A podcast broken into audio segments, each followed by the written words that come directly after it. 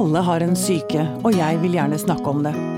Det er det vi gjør her, sammen med huspsykiater Anne Kristine og en gjest. Dette er Pia om syke. Um, Anne Kristine, du er ganske travel. Eh, det er også en måte å si det på. um, klarer du, eller er du opptatt av å forsøke å søke stillheten innimellom? Jeg var litt redd du skulle spørre om det, fordi at eh, etter at jeg fikk eh, tinnitus, så har jeg det aldri helt stille. Mm. Men vi kan godt si det sånn at jeg prøver å få til eh, mange stunder hvor jeg har selvvalgt lyd. Ja. ja. Nettopp. Det er ja. også en måte å si det på. Ja. Mm, ja. Um, jeg kan ofte kjenne at jeg lengter veldig etter stillheten. Um, og da tenker jeg ikke bare fravær av lyd, men den derre indre stillheten. Men så merker jeg også at den er ganske skremmende. Um, jeg blir litt urolig av å nærme meg den. Men så nå har vi fått inn en ekspert på stillhet i studio. Han kommer ikke til å si noen ting. Nei da. Eh, velkommen hit, Erling Kagge. Tusen takk. Eh, eventyrer og forfatter og forlegger og sånn. Du, eh, først så må jeg jo eh, spørre deg om Hvis du skulle diagnostisere deg selv, hvilken diagnose ville du satt? Mm, jeg tenker at du er frisk, jeg. Ja. Uh, jeg har lyst til å si at du også er bipolar, men det er mer altså, sånn fysisk. Du har vært på begge polene, liksom. altså ganske normal, egentlig. Men uh, uh, hva er å være normal? Det er iallfall ikke å være nordmann. Det er ganske unormalt. Så nei, jeg, jeg har egentlig ikke tenkt så langt. Men jeg føler meg stort sett ganske frisk. Ja. Det er godt, da. Mm. Du, um, du er altså veldig opptatt av stillhet, og du har eh, skrevet bok eh, som heter rett og slett 'Stillheten'. I støyens tid, nei. Jo. Ja, i støyens tid. Mm. Gleden ved å stenge verden ute. Aller først, bare for å eh, snakke litt om hva du legger i begrepet stillhet. Kan du forklare det? Ja, øh, jeg tenker ikke på meg selv som en ekspert på stillhet, egentlig, men, men øh, for halvannet år siden så ble det litt sånn begynte å tenke litt på det, og så ble jeg nesten litt sånn besatt av det å finne ut av hva stillheten er for noe. Eh, åpenbart så er det liksom tenkt man stillhet som fravær av lyd, men, eh, men helt stille blir det aldri. Eh, og jeg tror ikke det er den form for stillhet man nødvendigvis trenger heller. Men jeg tenker på motsatt av stillhet, så tenker jeg mer på er støy. Støy i form av lyder, selvfølgelig men også støy i form av um, forventninger um, om at noe kan skje, eller at det ikke skjer, osv., osv. Så, så at vi gjør oss helt avhengig av Uh, av fors forskjellig elektronikk, altså forskjellige skjermer. Uh, mobiltelefoner, smarttelefoner, brett, PC-er osv. osv. Mm. At det blir en veldig, veldig stor del av livene våre. Og det kan sammenfattes i støy. Så jeg tenker på, når jeg tenker på stillhet og stillhet til støyens tid, så tenker jeg på um, alle mulige sånne ting som gjør at vi mer og mer lever gjennom andre. Eh, mindre er oss selv. At vi i større og større grad blir en konsument, og mm. til tider en produsent. Og mm. at vi fjerner oss fra jeget. Ja, nettopp. Eh, bare for å snakke litt om eh, det Kanskje for å forstå stillheten, så kan det være lurt å snakke om støyen. For det er jo, som du helt riktig påpeker, eh, vanvittig en veldig, veldig støyete verden vi lever i. Og ikke bare lydstøy, men også visuell støy. Så det er jo som om vi aldri får helt fred, liksom. Nå leste jeg i Aftenposten i går eller foregårs eller noe sånt at bare for å ta den lydstøyen. Antall nordmenn som er rammet av støy fortsetter å øke. Eh, I 2014 var det høyeste på 15 år. Rundt 35% er utsatt for støy fra veitrafikk, som er den største støykilden. 35% som er plaget av støy, det er eh, Altså, her viser jo rett og slett forskningen, at, eller tallene viser jo at det blir mer og mer bråk rundt oss hele tiden. Um, og det er eh, Det kan man jo bli syk av. Ikke sant, Anne Kristine? Altså Altså én ting er ren, dundrende støy liksom hele tiden, men dette, dette konstante støyen som liksom omgir oss. Det er kanskje mer komplisert enn å si at det er støyen som, som, gjør oss syke, men det er jo noe med at det kan bli for vanskelig å håndtere det.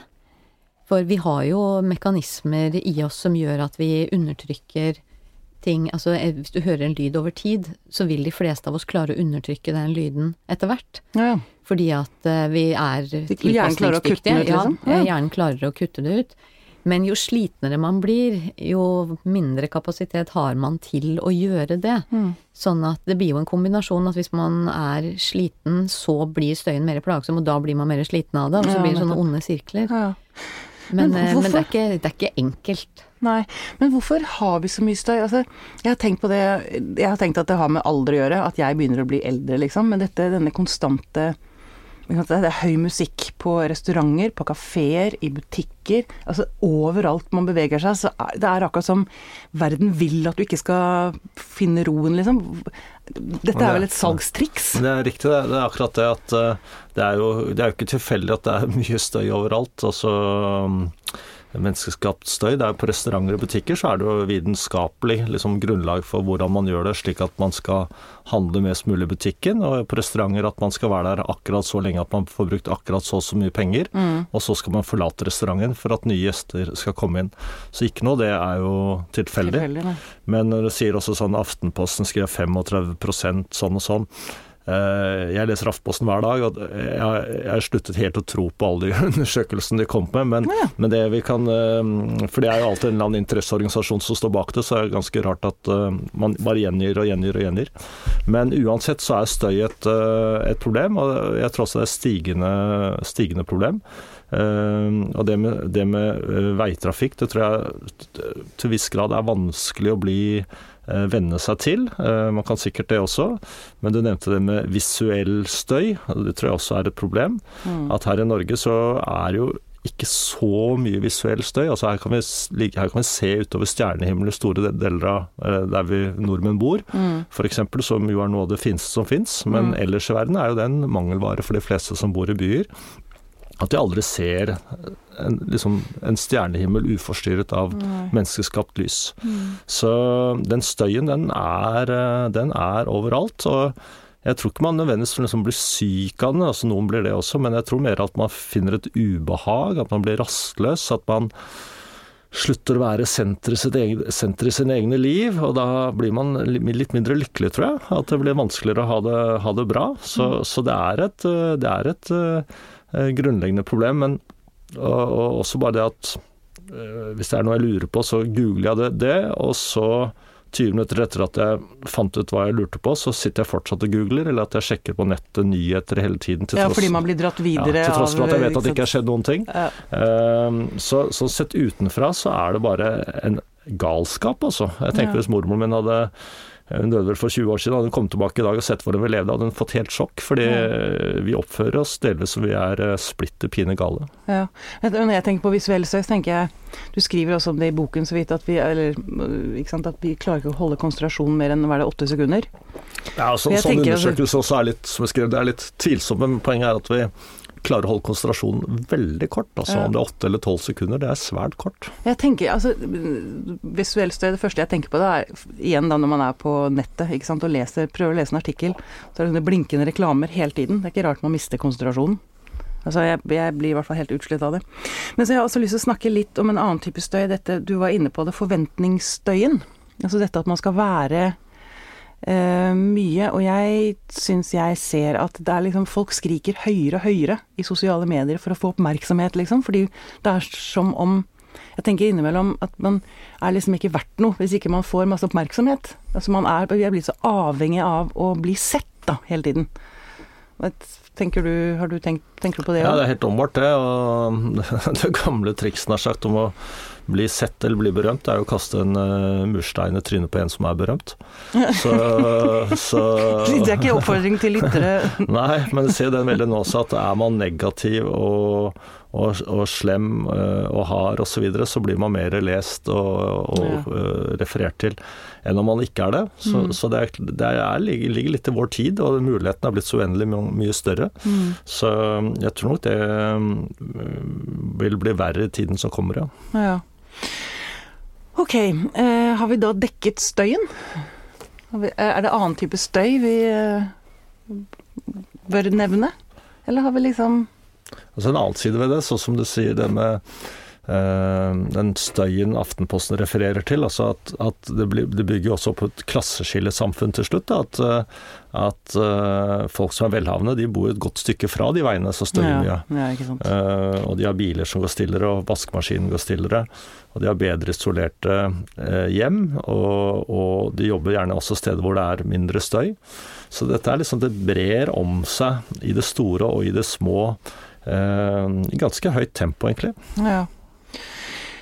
Ok, men så da, hvis vi søker oss mot stillheten um, Hvorfor tror du mann, jeg skal ikke si mann, hvorfor tror du jeg blir urolig av det? Av stillheten? Um, jeg tror det er helt normalt å bli urolig bare altså Hvis vi hadde hatt stille her et minutt fra nå, så tror nesten folk at det er krig. Eh, hvis jeg stiller på radioen så, mm. så, eller på nettet. Så, så det er, eh, det er, altså helt sånn grunnleggende, det er ikke bare deg, ja, men det er helt grunnleggende, helt vanlig, at vi mennesker blir urolige hvis det plutselig blir stille. Samtidig så er stillhet liksom sånn grunnleggende behov vi har, men det er sånn bøyg vi må forbi. Men når du sier vi, det er, det er ikke det vi i den vestlige verden, altså mennesket, urmennesket, var vel ikke redd for stillhet, tror du det? Mm, vet du, Urmenneske altså, Hvis vi går tilbake til Lucien for 100 000 år siden, så er det ikke lett for meg å, å, å svare på. Men, uh, ja, men Tenk på naturfolk, liksom. Ja, jeg kan ikke tenke meg at de Nei, men det kan si sånn at uh, uh, Hvordan det var før industrirevolusjonen osv. Det, det vet jeg for lite om, men jeg vet iallfall allerede på 1600-tallet så skrev f.eks.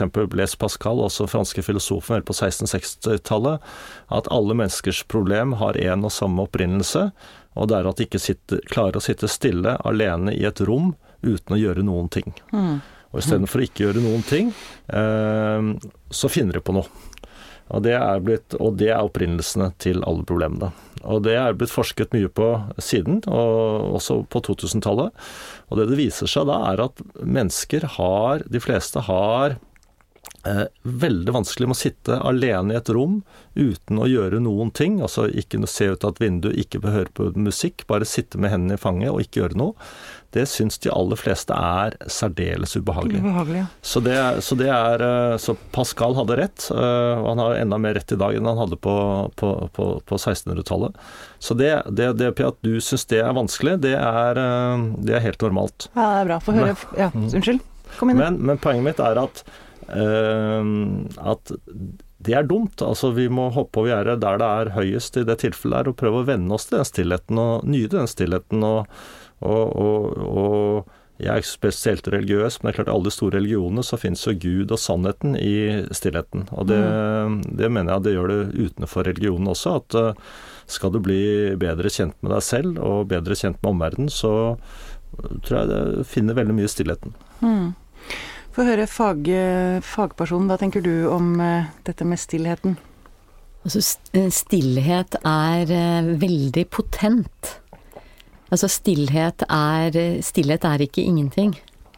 Sånn at jeg har jo tatt gruppeterapiutdanning og gått i, i, gruppe, og der merkes jo det veldig godt. Så det er akkurat som jo flere mennesker som er sammen, jo mer merkbar blir stillheten når det mm. sitter 40 stykker eh, i samme rom i en sirkel, mm. og ingen sier noe, mm. så er det Da er den stillheten veldig merkbar. Mm. Og, og, det er jo veldig ofte sånn at, da, at noen ikke orker det. Og at noen sier noe bare for å si noe. Bare ja. fordi at det er tungt. Eh, altså tungt å tåle stillhet. Ja. Eh, men så er det jo også sånn at eh, jo bedre man kjenner noen, og jo tryggere man er på noen, jo mindre ille er stillheten. Så det er jo Man snakker om den gode stillheten? Ja, altså hvis du kjenner noen veldig godt, så kan du være stille sammen med dem veldig lenge. Mm. Men hvis det er et anspent forhold, så er stillheten vanskeligere. Mm. Så det er et eller annet eh, kan si, provoserende eller potent, eller altså det er noe i den stillheten. Mm. Eh, for det er ikke fravær av noe, men det gir jo da rom for tanker, følelser, sånn som det Herling sier her om eh, at man tenker at det er krig hvis det er stille på radioen. Mm. Eh, det er jo fordi at fravær av informasjon er veldig potent kommunikasjon. Mm. Ja, men så tenker jeg også at det er noe med at når jeg er helt stille, så kommer det som bor inni meg til overflaten. Mm, ja. Og det kan være ofte veldig skremmende. Mm. Er det ikke det òg? Jo, ja, absolutt. Så det er, eh, det er en, det er en, altså det er en frykt, eh, som jeg også skriver i boken, altså det er en frykt for å bli bedre kjent med seg selv, egentlig. Se seg selv inn i øynene, tror jeg, at vi unngår det. Og som sagt, jeg kjenner det veldig igjen på meg selv òg, at det er eh, lettere å leve gjennom noe annet eller andre enn å stå ansikt til ansikt eh, med seg selv. Med seg selv, ja. Jeg tenker på når du gikk eh, Nå husker jeg ikke hvilken pol det var du beskrev, men når du gikk alene. Eh, Da er, du, er man jo stille. Det tar kanskje, tok det tid før du klarte å roe ned tankevirksomheten, liksom? Den indre stillheten? Ja, det, det er helt riktig, og det er et viktig poeng, fordi um, som, også til å begynne med, når det er stille f.eks., så må man jo venne seg til det og akseptere det eh, i dagliglivet. Men når man er på en ekspedisjon, altså seiler over havene eller går til Polen eller hva man gjør for noe, så de første dagene så er, er jeg alltid rastløs, og det tror jeg er helt vanlig. fordi da er det en ny tilværelse som har startet, og da må man rett og slett venne seg til det. Og så skal du seile over Atlanterhavet, er min erfaring, og det tror jeg er ganske alminnelig, er at de første dagene så må man finne seg til rette eh, ved at det ikke skjer noen ting. Og da jeg seilte over der, så hadde vi jo ikke noe radiokontakt eller noe sånt, så vi var helt alene. Men når man er liksom forbi den barrieren, da blir det helt vidunderlig å være stille, og enten alene eller være sammen med noen få. Og stå på vakt og se utover havet, eller gå på ski over viddene. Og da er det nesten nedtur å komme frem, faktisk. Ja. Men jeg, har så lyst til å Eller kan du forklare når du sier at det er vidunderlig? Kan du sette ord på det? Kan du sette ord på den stillheten du kjenner da? Ja, fordi eh, det, den varierer jo litt, den stillheten, men det er det der at verden føles veldig behagelig, føles trygt. Man kommer veldig tett på seg selv. Ting som ikke betyr noe særlig i livet, det forsvinner på en måte. At det er liksom de sentrale tingene som blir der. Og man kan liksom fortsette på samme tankerekke over, eh, over eh, lang tid eh, uforstyrret. Så sånn, sånn Og også da selvfølgelig litt sånn det daglige maset blir helt borte, blir helt uh, uinteressant. Uh, så det er en sånn fin, beskyttet tilværelse, hvor man også da får utnyttet sine egne potensialer på en helt annen måte enn man gjør i dagliglivet. Og det er også noe av meningen med livet, da. Ja, men eh, hvilke, hvilke, hva får du utnyttet annerledes? Nei, at, at du kan si det sånn at da jeg ble spurt om uh, uh, Og ble spurt liksom, hva jeg har lært av å klatre Everest, eller hva det var for noe, så skal man liksom komme opp med noen få ord om det. Men det er ikke så lett å sette ord på alt mulig. Men det er også en av grunnene til at jeg satte meg ned og skrev, for å skrive den boken, var liksom sånn Der stilte jeg meg tre spørsmål, også tilgrenset til det du spør meg nå. Og da satt jeg til slutt igjen med 33 svar på de tre spørsmålene. Så det, det er liksom som det heter i diktet at uh, We are a part of all that we have met.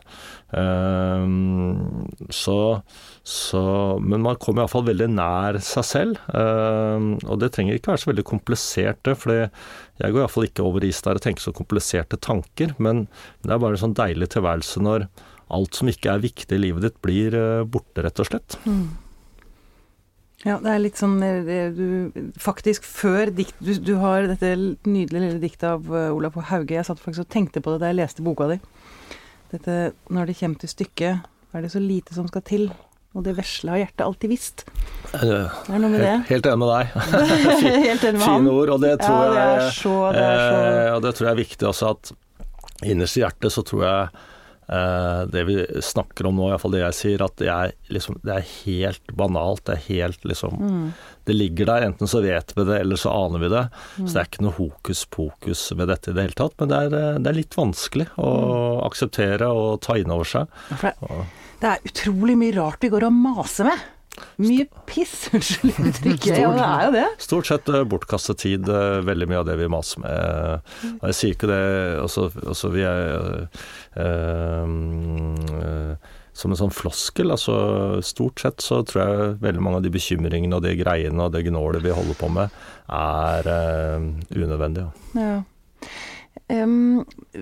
Hvis man da ikke har tid, krefter, eller at man tør å gå til en pol eller seile over Atlanterhavet, og finne den altså, ja, hva, hva kan man gjøre i hverdagen? Eh, det er selvfølgelig sånne ting som yoga og meditasjon og, og sånne ting. Eh, Kan det holde bare å stoppe opp innimellom? Altså, når jeg er bare ute etter litt sånne enkle Pusten er jo en, en ting som man snakker mye om. Jeg tror alt det du sier der er viktig. Eh, pust og yoga, meditasjon og etc., etc. Men altså, det kan være så enkelt som at man eh, stopper opp litt i dusjen og bare slapper av. Eh, hvis man har sjansen ligger fem minutter ekstra sengen. Jeg prøver å hypnotisere meg selv hver ettermiddag. Det høres avansert ut, men det er veldig enkelt. Eh, Går til jobben del, helt eller delvis istedenfor å ta T-banen eller kjøre bil. Altså det er enorme muligheter også i hverdagen. Eh, Jeg tror det beste er å bare gå i én retning. Legge elektronikken hjemme og gå i én retning til det stille rundt deg, og være der i tre dager og så dra hjem igjen. Men, men det kan jo ikke alle gjøre. Så det fins enklere, og jeg tror alle må finne sin egen vei der også. Men, men det å si at man ikke finner stillhet og sånn, det, det tror jeg ikke på.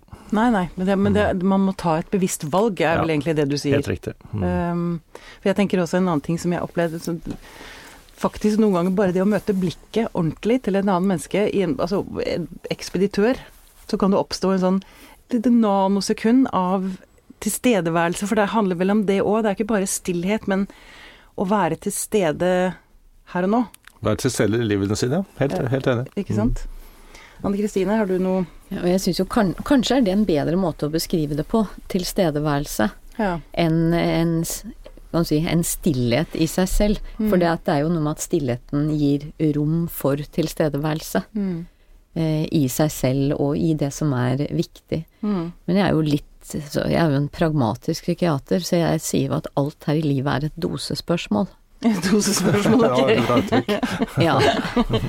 Så jeg tenker at eh, det er, det er, en tid for alt, og vi trenger alt. Og det er klart, hvis alle satt helt alene hver for seg og var stille bestandig, så ville det jo også det ville skjedd noe helt annet? Ja, det ville skjedd noe helt annet. Og, og jeg er jo også opptatt av at veldig mye skjer i relasjoner. Mm. Men at vi kan ha bedre relasjoner til andre hvis vi tør å bli bedre kjent med oss selv. Ja. Og skal vi bli kjent med oss selv, så må vi jo være til stede i oss selv. Og der kan stillheten og det å fri seg litt fra støyen være en, en vei å gå. Og så går det an å ta ansvar også for sin egen sted. Altså det går an innimellom mm. å holde kjeft. Rett og slett.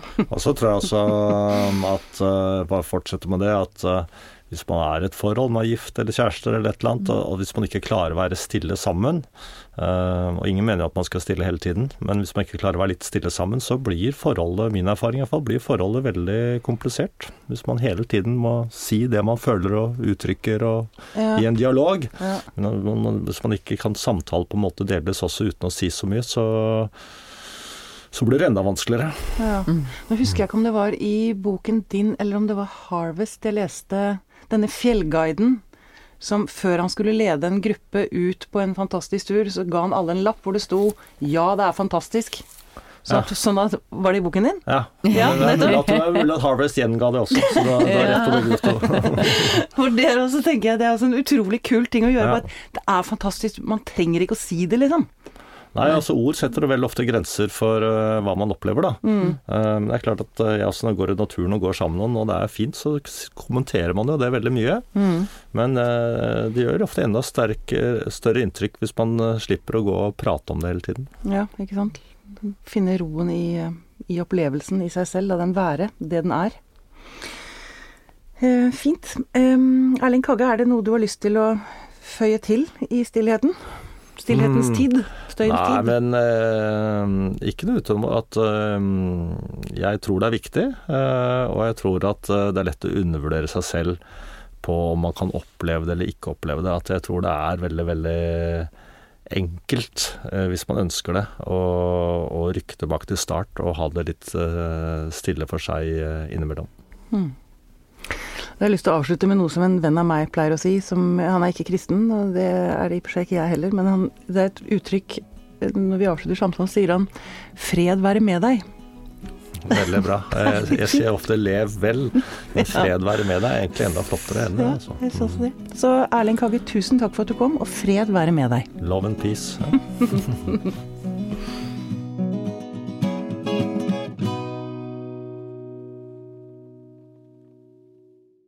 Denne podkasten er produsert av Tid og Lyst.